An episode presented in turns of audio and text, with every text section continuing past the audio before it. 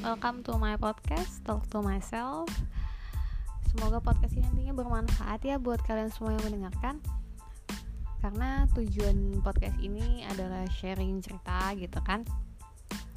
Kadang kita sering baca, mendengarkan, atau melihat sesuatu yang nggak sengaja Dan tiba-tiba tuh langsung uh, bikin pikiran kita terbuka tentang suatu hal. Bikin kita kayak langsung ngeh tentang gimana sih caranya semesta itu bekerja gitu. Langsung kita kayak bilang ke diri kita sendiri oh begini ya ternyata kayak gitu sih. Oke terima kasih. Semoga podcast ini bermanfaat. Selamat mendengarkan